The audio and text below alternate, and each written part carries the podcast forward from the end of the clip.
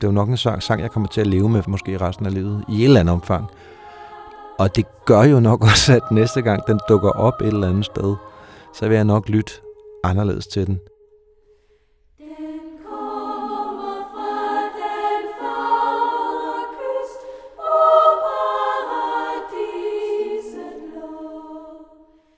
Jeg hedder Kenneth Tordal. Jeg er komponist, sangskriver, tekstforfatter, oversætter.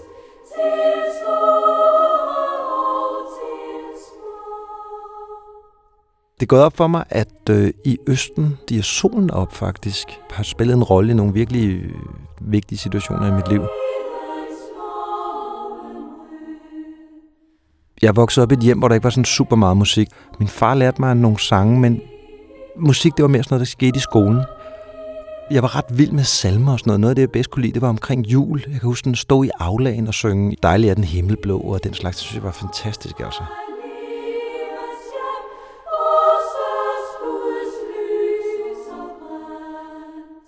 Da vi så var i 3. klasse, der skulle vi øh, prøve at synge i Østens stiger solen op. Og den kunne jeg åbenbart synge sådan nogenlunde rent, fordi jeg blev så udtaget til at gå på Sankt Anna, sådan en sangskole. Og det ville jeg rigtig gerne, fordi jeg var vild med musik, selvom jeg ikke sådan kom fra en decideret musikalsk hjem. Men øh, så blev jeg, skulle jeg af en eller anden grund tjekkes alene. Jeg havde mandler på lyber, og så sagde min læge, ej, ham der, hans stemme kan overhovedet ikke holde til at synge. Og det har jeg så sådan stort set gjort lige siden. Men det gjorde jeg ikke kom på Sankt Anna.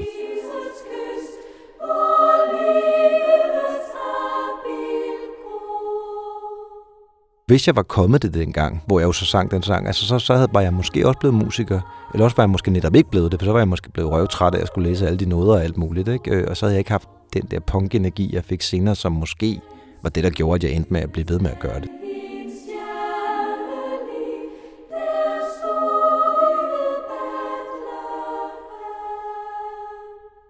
Så blev jeg vild med rock and roll, og så var det det andet ligesom væk. Men for nogle år siden døde min far. Han var 81 år gammel, og det var, det var sådan set fint nok. Han var en ældre herre og havde ikke lyst til at leve mere. Og der, sammen med min yngste datter Fiona, vi spillede Solen er så rød, far. Det var den eneste lille ændring, der var. Og det var sådan ret fint at stå med en, en smuk 14-årig pige, der spiller guitar og synger til sin farfar. Og, og jeg spillede selvfølgelig også sang.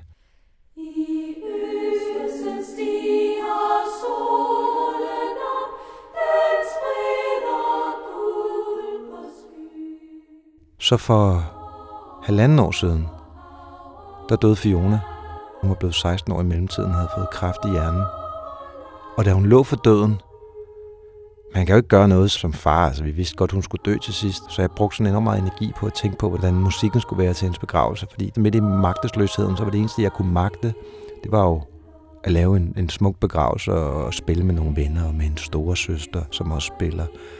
Og der spillede vi blandt andet i Østen stiger solen op, fordi der var lidt sådan et soltema. Vi spillede også Solen er så rød mor, fordi den havde jeg jo sunget med hende, og så videre, så videre. Der var sådan flere ting. Se, nu stiger solen, og så videre. Der var sådan ligesom soltema.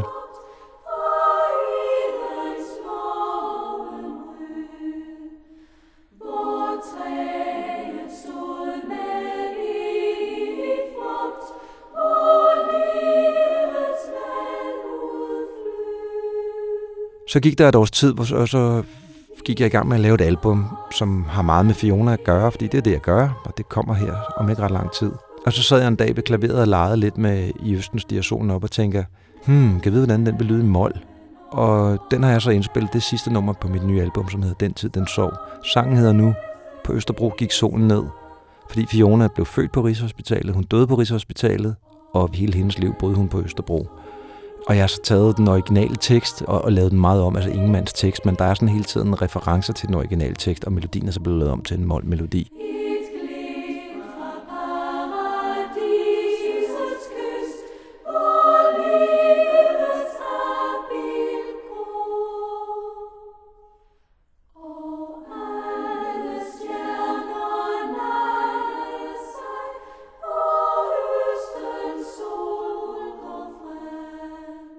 På en eller anden måde er det jo en sang, som har været der i nogle vigtige, vigtige øh, øh, tidspunkter i mit liv, selvom det ikke sådan, at jeg egentlig har gået rundt og hørt den særlig meget. Og så er det jo bare en virkelig, virkelig smuk sang.